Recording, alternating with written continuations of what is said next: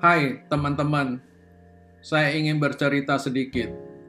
Belakangan ini, karena adanya virus COVID-19, kita tidak yakin dengan masa depan kita.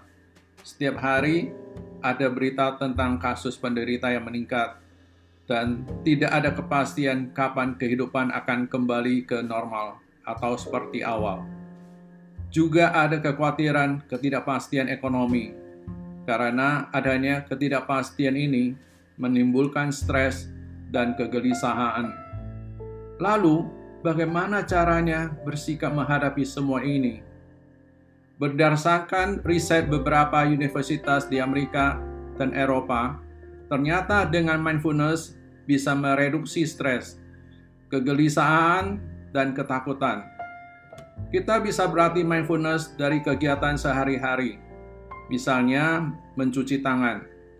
Kita mencuci tangan, tapi kegiatan ini sering lupa disadari atau dirasakan sensasi sewaktu tangan kiri menyentuh tangan kanan atau sebaliknya tangan kanan menyentuh tangan kiri. Jari-jari saling bersentuhan, sensasi di sela jari-jari atau terasa licinnya sabun atau tercium wanginya sabun. Sering kegiatan sehari-hari ini dilakukan tanpa disadari sepenuh hati. Melakukannya sepintas lalu atau autopilot. Sewaktu tubuh mengerjakan sesuatu, batin suka berkeliaran, berpikir ke hal-hal lain. Tubuh dan batin suka sibuk masing-masing.